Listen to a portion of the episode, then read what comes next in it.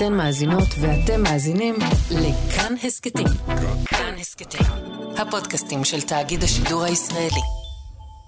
בסוף אתה מפתח מנטליות של רודנות. עכשיו, זה ממש אירוני, כי באתונה זה התחיל טירניה, רודנות, אחר כך אוליגרכיה מעטים, ואחר כך דמוקרטיה, שזה כל הזמן שחרור של כוח. קיבלנו בתודעה המשותפת שלנו אפשרות לתת המון כוח לבן אדם אחד, אבל השיטה לא בנויה לאפשר לו לעבוד.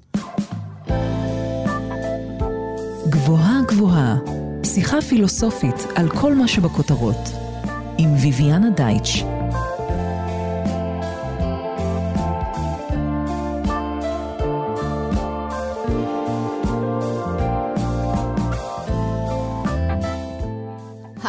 אני ביביאנה דייטש, אנחנו על גבוהה גבוהה, תוכנית בה מדי שבוע ניקח פיסת מציאות אקטואלית ונפרק לה את הצורה הפילוסופית. השבוע, רגע לפני הבחירות, בהן נשוב ונבחר את נציגנו לכנסת, אשר בתקווה ירכיבו את הממשלה הבאה של ישראל, נשתער רגע עם רעיון הייצוג ועם יישומו בישראל. הייצוג מסמן את היותנו נוכחים, אבל גם נעדרים מהשלטון. אנחנו בוחרות נציגים שאמורים לקבל החלטות מכריעות עבורנו. אבל הדמוקרטיה נולדה כשלטון ישיר של אזרחים, כשלטון העם, ולא של נציגים מטעמם. אם כך, מה בכלל הקשר בין הצבעה בקלפי לדמוקרטיה? ואיך כל הרעיון הסבוך הזה מיושם כאן, בישראל? כדי לחשוב ולהבין את הסוגיות הללו, איתי באולפן פרופסור דן אבנון, פרופסור חבר בחוג למדע המדינה באוניברסיטה העברית בירושלים, מומחה למחשבה מדינית ולחינוך אזרחי. שלום דן. אהלן, שלום. בואו נתחיל ישר מהעניין, ייצוג ודמוקרטיה. שני מושגים שהולכים ביחד? האמת שלא, אנחנו נוהגים להסמיך אותם, אבל הם שני דברים לחלוטין שונים. ייצוג, כמו שאת אמרת קודם, כן. מנכיח משהו שאיננו. כל המרחב הציבורי שלו זה עולם של ייצוגים. ואם בן אדם מייצג בן אדם אחר, לפעמים תופעה או סמל מסמל משהו אחר. ולכן זה ייצוג, זה הנכחה של נעדר, אם אפשר לשחק עם המשחק, עם המילים שאת הבאת. דמוקרטיה מתייחס, זה מושג שמתייחס לצורה של ארגון של סדר חברתי, ועוסק בעיקר במידת ההשפעה או ההשתתפות וההשפעה של היחיד על ההחלטות של הקבוצה. שני דברים שונים. בואו נחשוב רגע, נלך צעד אחורה. איפה נולד כל אחד מהרעיונות האלה, במובנים שאנחנו מכירים אותו היום? הדמוקרטיה קדמה לייצוג. דמוקרטיה זה אכן מושג, לא פעילות. כי פעילות שאנשים בוחרים אחד את השני התקיימה בשבטים ובחברות עתיקות שקדמו ליוון, ששם המילה היוונית דמוקרטיה, שלטון של הדמוס, של העם, נולד אחרי שבאתונה הייתה הפיכה נגד שלטון של מיעוט, שנקרא אוליגרכיה. Mm-hmm.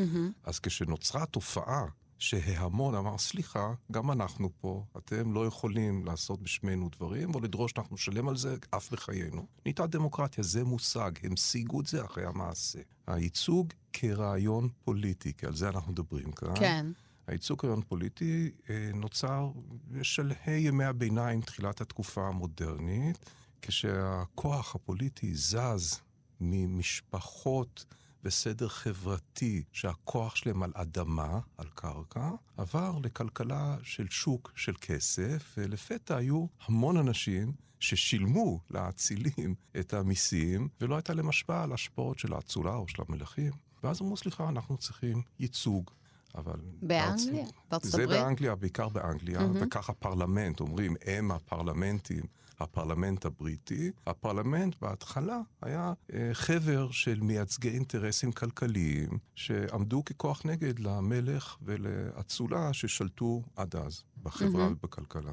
אני יכול להזכיר לנו שבמהפכה האמריקאית, שזה יוצאי בריטניה שלא רצ, רצו להתרחק מהאי הזה ומהמלוכה הזו, הסימן שלהם היה No taxation without representation. אין מיסוי ללא ייצוג. בדיוק. אז מה, אתה יושב שם באנגליה, מרחק אלפי קילומטרים מכאן, שולח חיילים לקחת מאיתנו מיסים, פרי עמלנו, כשאין לנו שום דרך אה, להשתתף בקבלת ההחלטות. סליחה, קח את החיילים שלך, תחזיר אותם מאנגליה. אנחנו לא נשלם לך מיסים. אין מיסים בלי ייצוג. בדמוקרטיה, כמו שהיא נולדה, כל העניין הוא ההפך מייצוג. כל העניין הוא ההשתתפות האזרחית, שלטון העם בצורה הכי מפורשת שיש, נכון? מה שקרה באתונה, שהיא הייתה עיר, מה שמכונה, היום אנחנו מכנים לזה פוליס, עיר מדינה. זאת אומרת, ההיקף שלה תחום גם בשטח וגם באוכלוסייה, וגם במי היה לו זכות אה, להיות שותף לדיונים ציבוריים. באתונה, בראשית הדמוקרטיה, התפיסה הייתה שלכל אחד יש השתתפות בשלטון. אחד, עם ד', אין נשים, כן. אין עבדים, אין כן. מהגרים, היו מלא מהגרי עבודה באתונה. אלה אה, נכחו, פעלו, אבל לא היו שותפים למעשה האזרחי הדמוקרטי, שזה השתתפות בשלטון. וזה היה כל כך מושרש עד כי חלק מהמשרות אוישו בהגרלה. זאת אומרת, בכלל לא הייתה תחרות, זה לא כמו היום שאנחנו אומרים, אוקיי, ויביאנה ודן ועוד ארבעה מתחרים על המקום האחד של ועד. לא, כאן הם מוצאים אה, פתק, שם זה לא היה פתק, זה היה סוג של אבן, שמוציאים מכד. היה כתוב על זה, ויאנה, את השנה אה, מייצגת את האינטרס של ארבעתנו. אז ההשתתפות שלך ושלי ושל כל אזרחים באופן תיאורטי הייתה שווה, וכל העניין הזה שצריך לייצג, ואחרי הייצוג נשאלת השאלה מי ייצג, ואחרי זה מי ייצג, אז האם ממנים את המייצג, או בוחרים את המייצג? עולם שלם של קושיות שנכנסו לתוך התקופה המודרנית. אז בואו נדבר קצת על התקופה המודרנית, שהמדינה באמת היא לא אותה פוליס קטנה. איך הרעיונות האלה מתחילים ככה להתמזג, של ייצוג ודמוקרטיה? הדמיון בתהליך בין אתונה לתקופה המודרנית, שזו התקוממות שאי אפשר לרסן אותה, של המונים כנגד מעטים או כנגד יחיד. זה נקודת מוצא, נורא חשוב לזכור את זה, כי הדמוקרטיה יושבת על הבסיס הזה של התקוממות נגד. בואי נחשוב על רגע, המהפכה הצרפתית או המהפכה כן. בארצות הברית, שתי כן. מהפכות שונות, אבל העיקרון היה, סליחה, אתם המושלים, לא רק שאינכם מקובלים עלינו, אנו מבקשים מכם או דורשים מכם, צאו לנו מהמרחב הציבורי, ומהכיס. ודאי, מהכיס או במקומות אחרים. סליחה, כי זה גם הגוף, אנחנו היום חושבים כיס, אבל תחשבי, אז שולחים אנשים לצבאות, למלחמות נכון, כיבוש, לכל נכון. מיני... אה, באופן שלא שימח את המגויסים בשעה שהם לא הרגישו שיש להם נתח מהשלטון. בסוגריים, אותו תהליך היה באתונה, סגור סוגריים. גם שם התקוממות על רקע של גיוס, ו... אבל אי חלוקה בטובין. אתה מתכוון אה, מהשלטון אוליגרכי לדמוקרטיה. בדיוק. עכשיו, זה חשוב לצורך העניין הדמוקרטי, משום שמה שקרה באירופה, ובואי נחשוב על אנגליה, זה המודל הכי קל, כי זה אחר כך נכנס לארה"ב, ואחרי זה זה גם יכול לגלוש לישראל, עוד נגיע לזה. התפיסה הייתה שהאימפריה הבריטית הולכת ומתרחבת. היא מתרחבת על בסיס התפתחות מה שאנחנו מכנים קפיטליזם, כסף הון. Mm-hmm. ההון הזה לא היה מעוגן באדמה, זה היה יותר, כי האדמה הייתה מוגבלת. גם אתה יכול לחלק אותה, זה מתחלק בין צאצאים, זה לא מתחלק לאחרים. זה יוצר לחץ מאוד גדול על אריסים ועל אה, אנשים שבעצם מביאים את הערך המוסף של האדמה, אבל mm-hmm. לא שותפים לעניין הזה. אז עם התפתחות הקפיטל והתפתחות המושבות, קרי, אנשים שפעם היו בלי נכסים, היו לבעלי נכסים במקומות רחוקים על פני כדור הארץ. הם התחילו להרגיש במקומות שלהם בעלי בית, הם כבר לא היו תחת אה, העין המפקחת של הרוזן שלהם. ובאנגליה, כדי לממן את המשלחות האלה לרחבי תבל, להגדיל את האימפריה הבריטית, לקחו עוד ועוד כסף מסוחרים ומאחרים שמימנו את הפעילות הזאת. הדמוקרטיה הגיעה במקום שאמרו, אנחנו רוצים לא רק ייצוג, אנחנו רוצים השתתפות. כי ייצוג אפשר להגיד. אני דן ממחוז ירושלים. ו... ומייצג אותי, בדיוק. כן. הרוזן מירושלים. כן. אבל הרוזן מירושלים, סליחה, הוא לא מהמשפחה כן. שלי, הוא כבר מזמן, הוא לא רוצה, לא, אבל הוא דפק את המשפחה שלי יותר מדור אחד. אני גם, אני איתו סיימתי, אתם רוצים אותי? קחו אותי ישירות מול הממשל המרכזי. אני לא צריך את התיווך שלו, אני אפילו מתנגד לתיווך שלו. אני רוצה לייצג את עצמי. אומרים, רק שנייה, רגע, יש המון כמוך, איך תהיה אתה, אז את כולם נכניס, את כל, ה, את כל הבורגנים, את כל אלה בעלי הכסף או ההון? לא, אי אפשר. אה, אבל אנחנו כבר מאורגנים קצת. בעצם, יש לנו ארגונים של בעלי אה, האורות בעין, ושל אה, בעלי המלאכה הזהירה, ויש לנו של הדפסים, ויש לנו מלא איגודים מקצועיים. אנחנו יודעים להתארגן, עשינו את זה לפני ש... עכשיו בואו נהפוך את זה לקול, בקוף, שהוא אחד לכאורה, שמייצג את הרבים האלה. מה שאנחנו היום חושבים עליו במונחים של מפלגה? בהחלט, כן. זאת אומרת, זה מתגלגל לשם, אף כי זה עבר בתמות, אבל בעיקרון כן. את, אני ו-80 מהמאזינים שלנו מתארגנים במפלגת אה, הפודקאסט שלך. שאנחנו חושבים שמן כן. הראוי. כן, בהחלט, יאללה. בלאו הכי, יותר ויותר אנשים מקשיבים לפודקאסטים וכולי. אפשר להמציא בשנייה מצע, נכון. משותף לכולם ונמאס לנו. ובארץ מציעים מצע תוך שנייה, אנחנו, נכון. אנחנו מכירים את זה ורגילים לזה. כן, אבל אנחנו, יש לנו זה מה? לא ניכנס. יש לנו ערך מוסף, מה שמשתף אותנו, ומה שעושה אותנו משותפים. בנקודת הכניסה לתופעה של ייצוג ודמוקרטיה, אמרו, אוקיי, אז אתם תבחרו נציג, תשלחו אותו ללונדון, לווסטמיניסטר, יישב פרלמנט, פרלה זה לדבר, כן, מקום שמדברים, ושם אתם תהיו מיוצגים. עכשיו, נדמה לי שהמלך והחצר שעטפה אותו והיועצים החכמים שלו אמרו, רבאק, ברגע שהם יגיעו, הם יראו את ההוד והדר וזה, יירגעו, וננהל את האימפריה עם הסכמה לכאורה, כי הסכמנו שהם מייצגים. אבל מה שקרה זה שזה מאוד יקר לנהל חצר ואוניות וצבאות ומלחמות, ולא כל כך קל להיפרד מכסף בלי לקבל תמורה. אז הפרלמנט לפתע הפך בעצם לנציג היצרנים החדשים, שלא יושבים על אדמה, אלא יושבים על מקורות הון נוספים. אוקיי. וכך נהיה צורך לבחור את הנציגים. אז הדמוקרטיה, בהתחלה אמרו, אוקיי, אז דמוקרטיה השתתפותית, הם בפנים. היא מייצגת כי מייצגת סקטורים או פעילויות מסוימות, והם מספיק, עדיין מספיק קטנים כדי שאפשר לנהל את זה. אבל מהר מאוד זה נהיה רחב היקף, וצריך לחשוב על שיטות נוספות לייצג יותר ויותר ויותר ויותר ויותר אנשים.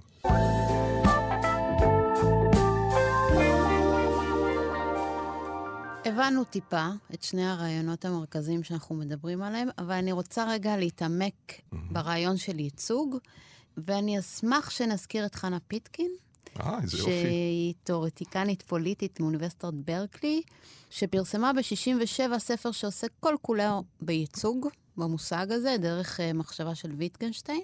כשהיא הסתכלה על ה-concept of representation, על מושג של הייצוג, לא של נציגים, לא מדברים על בני אדם כרגע, של המושג של ייצוג, היא אמרה שמושג הייצוג בהתחלה נראה נורא פשוט, כי היא אומרת בוא נשחק עם המילה באנגלית, ייצוג באנגלית זה represent, זה לעשות present, נוכח, מה שאיננו, אבל בואו נדמיין שהוא ישנו. כמו להנכיח מחדש. זו הנכחה, ולא, בעברית אומרים מחדש, זה מבלבל אותנו, אז בואו נגיד, להנכיח בהווה. להנכיח כי בהווה. המילה present עושה את ההווה נכון, הזה. נכון. אז מה זאת אומרת להנכיח בהווה?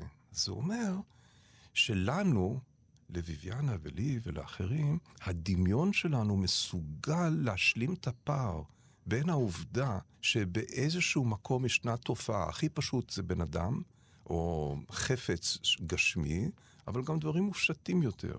למשל, התפיסה שיש קול בקוף בציבור שזקוק לייצוג דרך פה אחד. אז נניח, מהו הקול? נניח שוויון חלוקתי. מישהו חושב, צריך אה, לחלק אחרת נכסים. אנחנו צריכים נציג אחד שיסביר את זה בצורה פשוטה. וכך העניין של ייצוג מתחבר לעניין של דמוקרטיה. כי יש נניח 35 אלף איש כאלה, הם בוחרים באופן כזה או אחר. בשיטה של, בסוף בכנסת קוראים לזה בחירות, אבל לפני זה אולי הייתה איזו התאחדות או התאגדות או אני לא יודע, עמותה. מהמם. ואנשים צפו מתוך הריבוי, צפו יח... מעטים, בסוף אחד שמייצג את כולם בתהליכים כפי שהם היו. ככה זה נכון לגבי כל אחד מהרעיונות או האינטרסים המופשטים שמיוצגים בתחרות על הקולות שלנו בבחירות הקרובות לכנסת. בואי נחשוב על ארה"ב, שהיא נחשבת למודל, נחשבה עד. עד העשור האחרון, או 20 שנה האחרונות, למודל אה, דמוקרטי אה, מוביל. כשפליטי או זוכרי החיים במלוכה הבריטית הגיעו לצפון אמריקה, הם נמלטו מרדיפה דתית. הם היו אנשים דתיים. הם אמרו, סליחה, המלך הזה הוא לא אה, קשוב לצרכים שלנו, לצורכי האמונה שלנו, הוא מתערב לנו באופן שאנחנו לא רוצים, אנחנו נלך לשם. זה היה חלק מהאוכלוסייה המיישבת. אחרים הגיעו שם עם תעת הזדמנות כלכלית, להשתחרר מחובות באנגליה ולהתחדש במה שנקרא New, אה, גן העדן החדש. עבר זמן והם מרדו במלך, no taxation without representation, כן. שזה mm-hmm. אומר, אתה תצא לנו לא רק מהכיס, אתה תצא לנו מכל תחום חיים, אנחנו נארגן תחומי החיים שלנו. כשהם בנו את החוקה שלהם, הם נתנו, הביאו שלושה סוגי ייצוג והשתתפות, ומזה אפשר ללמוד את הכל. קודם כל ארה"ב בנויה מ states, ממדינות, שנוצרו כפי שנוצרו, וצריך ייצוג ל state. אז זה נקרא ייצוג על פי טריטוריה. כן. זה עד היום. בארה"ב זה הסנאט. יש לך מדינות עם פחות ממיליון תושבים, ויש להם שני סנאטורים. יש לך מדינות כמו קליפורניה, לא יודע כמה, 50 מיליון תושבים, שני סנאטורים. היי, מה קרה לכם? איזה מין ייצוג זה? איפה הדמוקרטיה? רק שנייה, תירגעו. קודם כל זה ייצוג של חבל ארץ, וחבל הארץ טעון משמעויות שמחייבות ייצוג.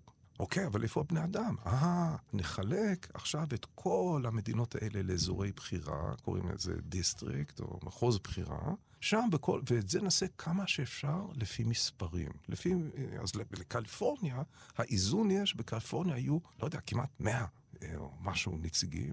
בוויומינג ודקוטה, אני יודע מה, אה, אחדים בודדים. כי המדינה קטנה, כי המדינה פחות קטנה, תושבים. אבל לצורך השיחה שלנו, מה שאנחנו רואים זה שיש כאן ייצוג על פי משהו שהוא לא אנושי, אלא קרקע, וכאן זה ייצוג פשוט באמת כמו המודל שנדמה לנו שהוא התקף, one person, one vote. מכירה את. איך שהאמריקאים מתגאים בזה? השוויון הוא בזה שכל קול נספר. כן.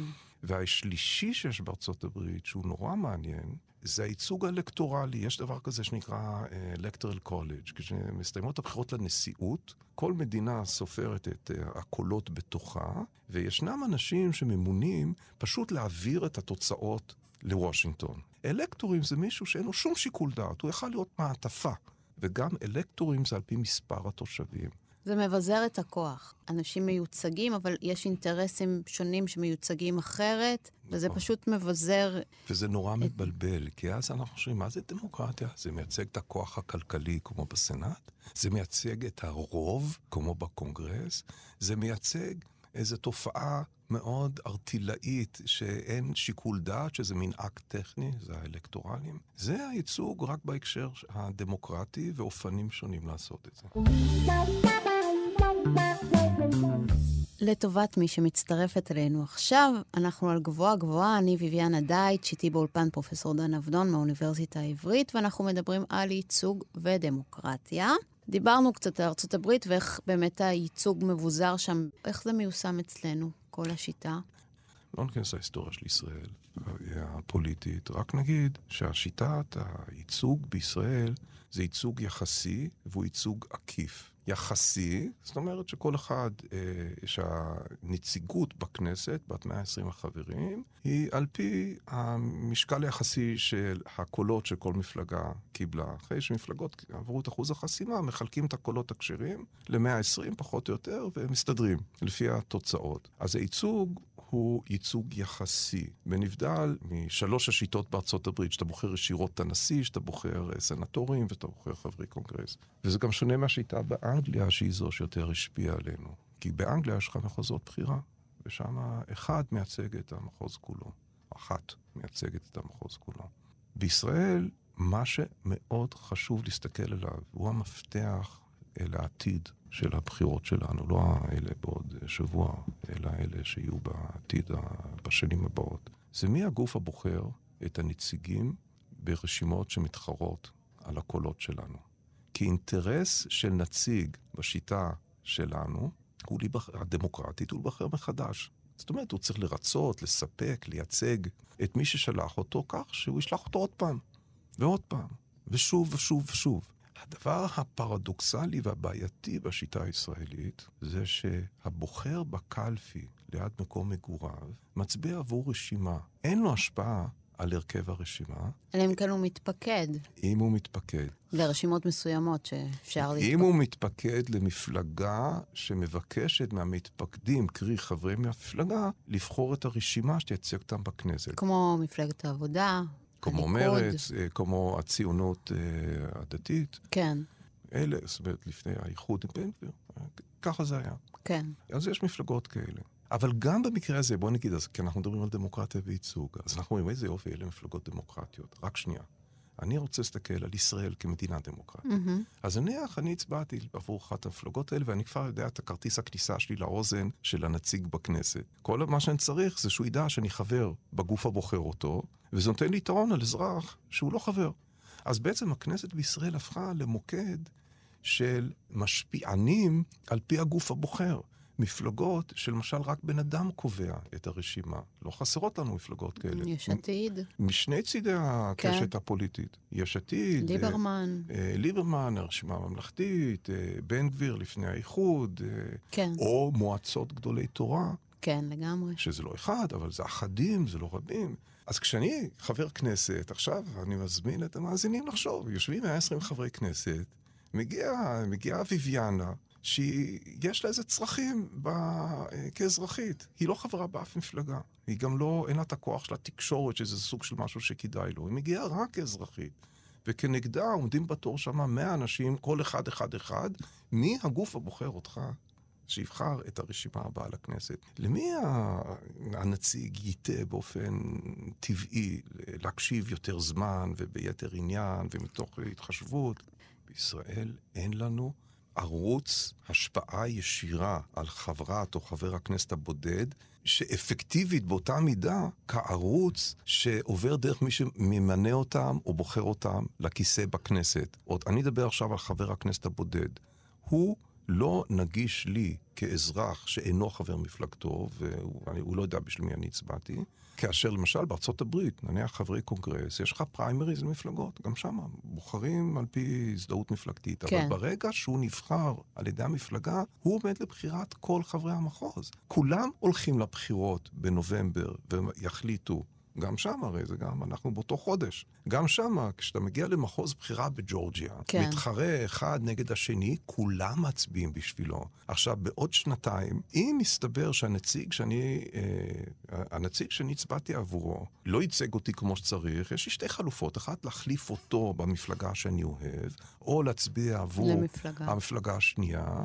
או, ו, ואז, כשמתחילים ככה, אז הנציגים חייבים לקחת בחשבון אינטרסים גדולים קל. יותר מאשר מי בחר אותם, מי מינה אותם לרשימה לכנסת. תחדד לי את ישראל עוד פעם. ישראל היא מחוז בחירה אחד, כן. ועליו מתחרות מפלגות או רשימות מועמדים. כן.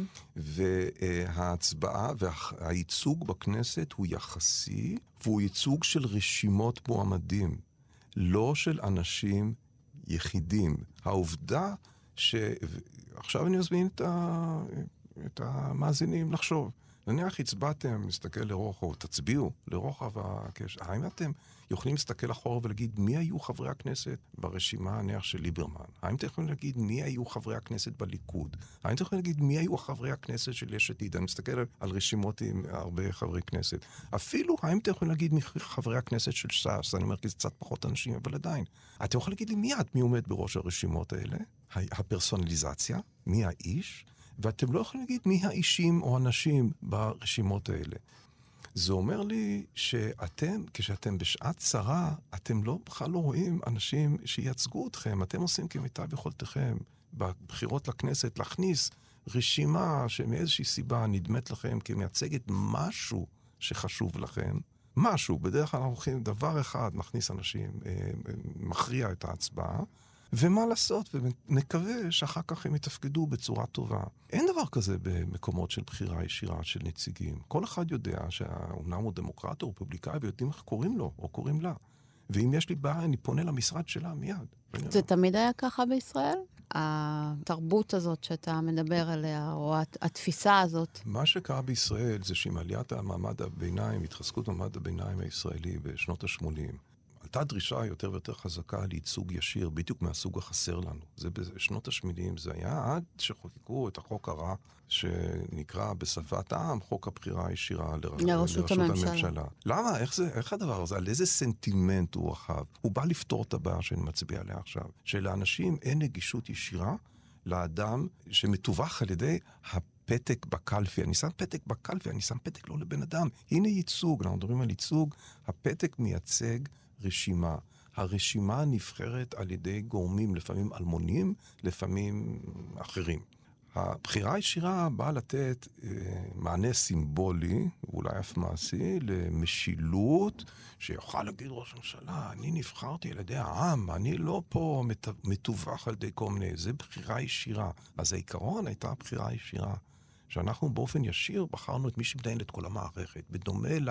מה שנדמה היה כהקבלה מופרכת, אבל נדמה היה שכמו שהיא בארצות הברית. אז הסוגיה עלתה, ואז, ואז במשך עשור כמעט, היה לנו את הפארסה הנוראה, שמאוד החלישה את הדמוקרטיה נכון. הישראלית, נכון. שהיא הפרלמנטרית, משום שהתקוות התיישבו על uh, בן אדם אחד, שזה אנטי-דמוקרטי, כי אתה, uh, אפילו באתונה, כשהדמוקרטיה... וגם פיצול... אה, פיצול סמכויות, לא ברור מי אחראי על מה. נכון. ובסוף אתה מפתח אה, מנטליות של רודנות.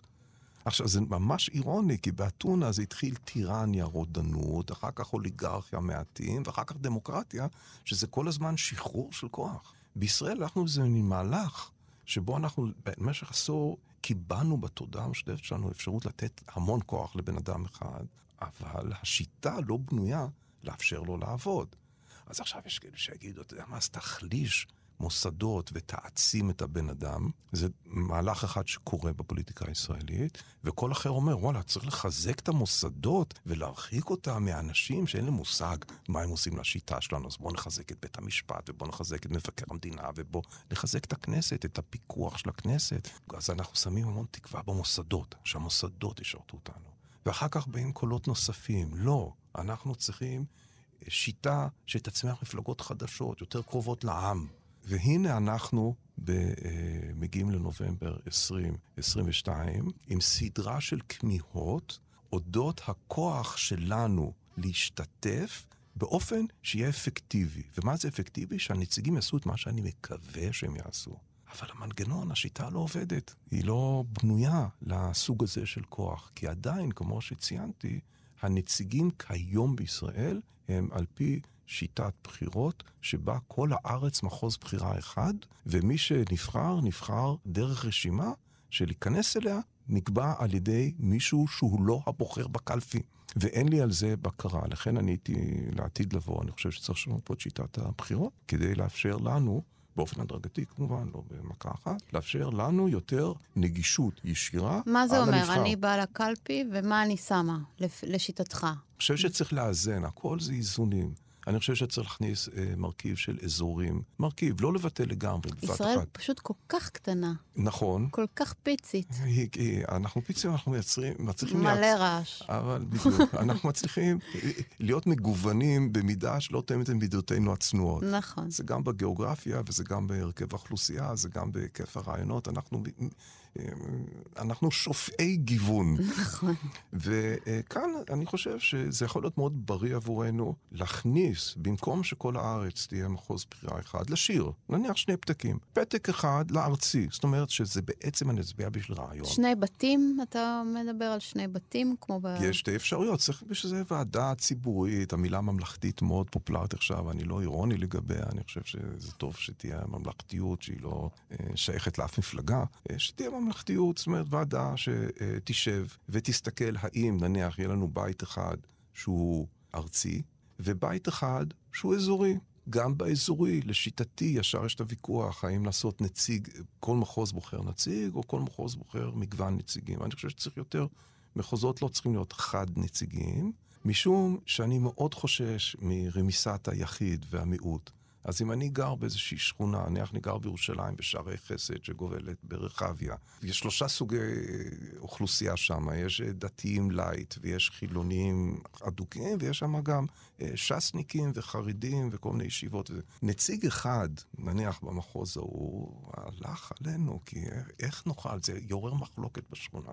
אבל נניח, אם באזור הזה של ירושלים זה בין שניים לחמישה נציגים בהתאם לגודל אוכלוסייה, וכך בארץ מתחשבים באוכלוסייה, תחשבי על הנגב והערבה, את לא יכולה לעשות ארבעה נציגים במקום שבקושי יש בני אדם, אז שם פחות. אני חושב שצריך, אה, האם לעשות זה בשני בתים, או בבית אחד עם ערבוב, על זה, זה לא, אנחנו מדברים על זה כאן, איך לשנות את שיטת הבחירות, אבל אני מדבר על ייצוג ודמוקרטיה. תני לי פתק אחד לבן אדם שהוא הכתובת שלי. הוא מייצג אותי, הוא מנכיח אותי, makes me present, הופך אותי לנוכח, ואם הוא לא עושה כפי שהוא הבטיח לי... הוא מחליף אותו. אני... אה, לא אבחר בו. אני מזכיר לו מי שלח אותו.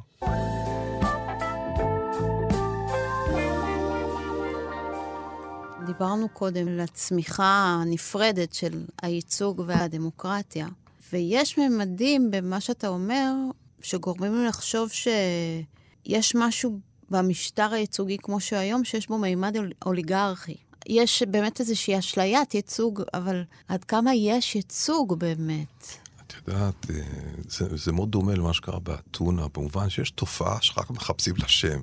כן. אז עכשיו, לפני 200 ומשהו שנה, נתנו לתופעה של, אה, שלנו שמות, מודרני, אה, דמוקרטי, רפובליקני, היה לך פודקאסט יפה על נכון. הקודמת על זה. העניין הולך כך. הדמוקרטי מודד השתתפות, ונותן תחושה של השתתפות. זה נורא חשוב, זה נורא חשוב שאני מרגיש שותף.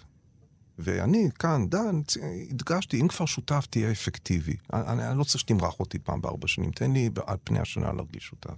אבל הייצוג נותן אפשרות לריכוז כוח בידי מעטים, משום שקל נכון. מאוד אה, לתמרן מערכות פוליטיות, בוודאי בשיטה הישראלית. שהם שחל... לא באמת עומדים למבחן. הם לא עומדים למבחן, אלא של מי ששלח אותם, אני לא רוצה להגיד מי שמימן אותם. בארצות הברית זה הרבה יותר מי שמימן כן, אותם. בישראל כן. אני רוצה להיות ניטרלי. אז כן. נגיד מי ששלח אותם. כן. אז זה נותן פתח לא, מה, ש, לא, מה שאת הצעת, אוליגרכיזציה. לא אוליגרך במובן של איזה מישהו רוסי עם כסף, חס וחלילה, אין פה שום הטעיה על, על בסיס uh, עדתי או אתני, אלא אוליגרכיה כמונח יווני.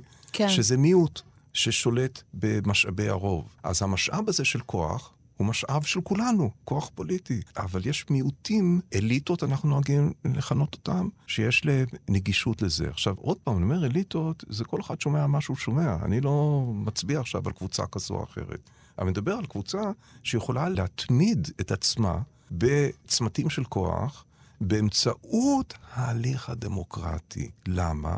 משום שהמנגנונים לא מאפשרים השתתפות אפקטיבית נכון. של ההמון האזרחי, לא נקרא לזה העם, ההמון האזרחי, שזה יהודים וערבים וחרדים ולא, וחילונים וכל השאר, אנחנו בעצם בוחרים תיאטרון.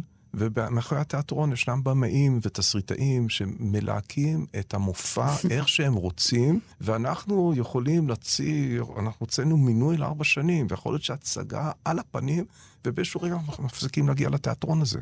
אנחנו פשוט לא מתייצבים, וכעבור כמה שנים מפסיקים גם להוציא מינוי, גם אפילו שנותנים לך בחינם, כל ארבע שנים קח מינוי. לא רוצה. בלאו הכי אין לי השפעה. זה, על זה את מדברת, ואת צודקת, יש מתח מאוד גדול בין דמוקרטיה לייצוגיות.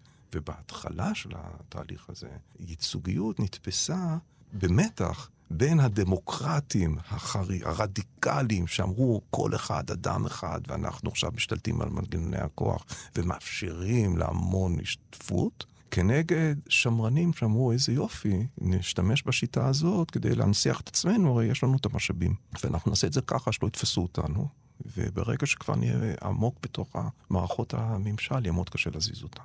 השיחה הזאת גורמת לי לחשוב על מצג שווא קצת, של השתתפות. איך אנחנו בכל זאת יכולים להשתתף? מפתה לחשוב שבזה שאני הולכת לא פעם בארבע שנים, אלא פעם בכמה חודשים, ושמה פתק, ואותי אישית עבדו עליי, זה באמת מרגש נכון. אותי, בכל פעם שאני הולכת לקלפי ומצביעה. אבל יש בזה באמת איזשהו... יש בעיה, יש בעיה שאנחנו מדברים עליה. איך אני יכולה לחזור קצת לדמוקרטיה? אני אגיד לך, אה, כשאת רוצה לחזור, המאזינים, לא רואים אותך, אבל את לוקחת את היד שלך, נכון. ואת מהדקת אותה ואת מצעידה אותה ללב. זאת אומרת, נכון. את ממש רוצה את זה, זה מה שאת עשית כרגע. נכון. שזה מאוד מרגש באמת. לא כל אחד, כשהוא שומע דמוקרטיה, שומע את מה שאת אה, הצבעת עליו, בזה כן. שאת נגעת בלב שלך. אז אני אגיד לך מה, מה אני חושב על העניין הזה, שפה אני הולך בזרם שבמחשבה המדינית הולך מרוסו עד מרטין בובר. ובובר חי בישראל, אז הוא גם מסתכל על הדמוקרטיה בישראל.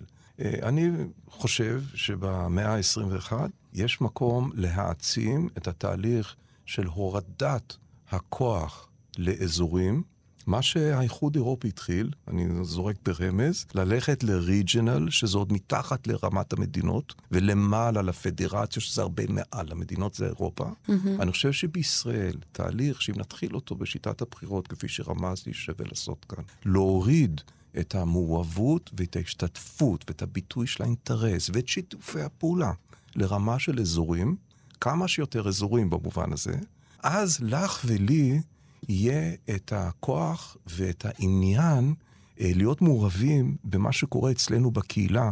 כלומר, באמת אה, להתעסק ב... בפוליטיקה של, של כאן, של הקהילה שלי, של בהחלט. איפה שאני חיה. בהחלט. ו- ו- אוקיי. בהחלט. עכשיו תחשבי, זה נוגע כל... אנחנו... אלה מאיתנו שהורים, ואלה מאיתנו שסבים וסבתות, ואלה מאיתנו שמצביעים בפעם הראשונה. בואו נסתכל לשנייה רק על מערכת החינוך. התביעה שבמחוז שלי יהיה בית ספר נורמלי, סליחה, איכותי. כולם נורמליים, אבל איכותיים. איכותיים על פי הצרכים שלנו, של הילדים שלנו, על פי האקלים במקום שאנחנו גרים, על פי הטבע שאנחנו נמצאים בו, על פי השכל שאנחנו רוצים לגדל.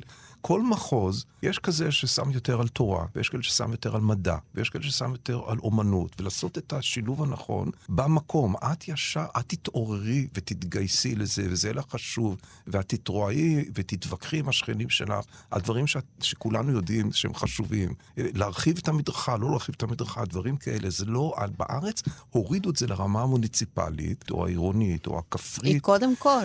היא החיים שלנו. לגמרי. ויותר ויותר, תסתכלו על הרשימות לכנסת אה, שנבחר, יותר ויותר פוליטיקאים ארציים צומחים מתוך הרשויות המקומיות ויודעים את זה, שהאזרח קודם כל רוצה לקום בבוקר ושהחיים שלו יתנהלו באיזה אופן סדיר ונינוח ומרווח ובטוח, ומעל לזה כל הפוליטיקות הגדולות חשוב נורא, אבל קודם כל אני קם בבוקר ונושם ואוכל, והילדים שלי ואימא שלי ואבא שלי וכולי. לכן, את שואלת אותי מה לעשות? השתתפות ברמת הקהילה. אבל לעשות את זה, זה שזו סיסמה, אני אומר באופן מעשי, להוריד את אה, אה, שיטת הבחירות ואת האופן שאנחנו בוחרים את הנציגים שלנו לרמה המקומית, לשלב את הרמה המקומית עם הרמה הארצית, וזה דבר מעשי. זה לא רק סיסמה. אני צריך שיהיה לי אינטרס לעבוד בקהילה. בדיוק רוצ... חשבתי ועד בית. בדיוק, זה מה שאני... בדיוק, כן. כן, קלטת. כן. אני, אני עברתי דירה, אחד הדברים הראשונים שאני עשיתי, התנדבתי לוועד הבית. בדיוק. עכשיו, יודעים, יש שם כך וכך דיירים, לא רוצים, אל תבחרו. אנשים אדישים, אני מארגן, אני מעצבן אותם, אל תעשה את זה. מכנסים אספת דיירים, אומרים, סליחה, אתה, יש אופני ייצוג שונים. אתה כרגע לא יכול לעשות רק לפי האינטרס שלך, אנחנו נגד היוזמה הזאת שלך, כי הרוב פה חושב שזה לא נחוץ. אז זה לא יהיה. אבל אנחנו מדברים, משוחחים, מתווכחים. אם אנחנו בני אדם הגונים, אז אנחנו גם, למרות שאני הפסדתי במערכה המסוימת הזו, אני אה, עדיין מכבד את זה שאתם לפחות פעלתם, לפחות פעלתם בזה ששכנעתם לעשות אחרת. בוודאי, ועד בית, ועד בית ספר, בדיוק. ועד שכונה, וזה אחר כך נפתח לייצוג ברמה, אה, קודם כל המקומי מיוצג בארצי דרך הממשל. ואפשר להרחיב על זה המון. וזה מייצר תרבות פוליטית נכון. של, של השתתפות. ובלי ו... ציניות. ואכפתיות. כן, כן, ואני חייב לשתף פעולה עם מי ששונה ממני, ויביאנה, אלא אם האזורים יהיו הומוגניים, בסדר, אין לי בעיה עם זה גם. את יודעת, היה בקורונה, אם את זוכרת, אחד הדברים הקשים שהיו, זה, זו ההשוואה הזאת, נניח באזור גוש דן, בין בני ברק לרמת גן. את זוכרת? זה היה מטאפורי שקמה חומה לרגע, חומה פיזית בין בני ברק לרמת גן. עכשיו, מחוזות בחירה אמורים לחייב מתוך השיטה דיאלוג, לא רק משא ומתן. משא ומתן זה עסקי, דיאלוג זה אנושי. מה לך? אין ילדים. לי אין ילדים, שנינו רוצים להיות בריאים, בואו נמצא פה את הדרך. אתה על דעת תורה ואני על דעת בית משפט עליון, זה לא בסתירה. עכשיו, מחוזות בחירה כייצוג של לרדת כמה שיותר נמוך וכמה שפחות נציגים מתווכים. כמה שיותר מעורבות שלי. כמה שפחות שמישהו אחר יעשה את כמה העבודה. שפחות ייצוג. כמה שפחות ייצוג, כן, בדיוק. זה המשחק הזה בין הדמוקרטיה נכון. ההשתתפותית לייצוג העקיף, שמאוד חריף במציאות הפוליטית הישראלית. המתח מאוד חריף, והוא מרפא ידיים לחלק מאיתנו, לצערי.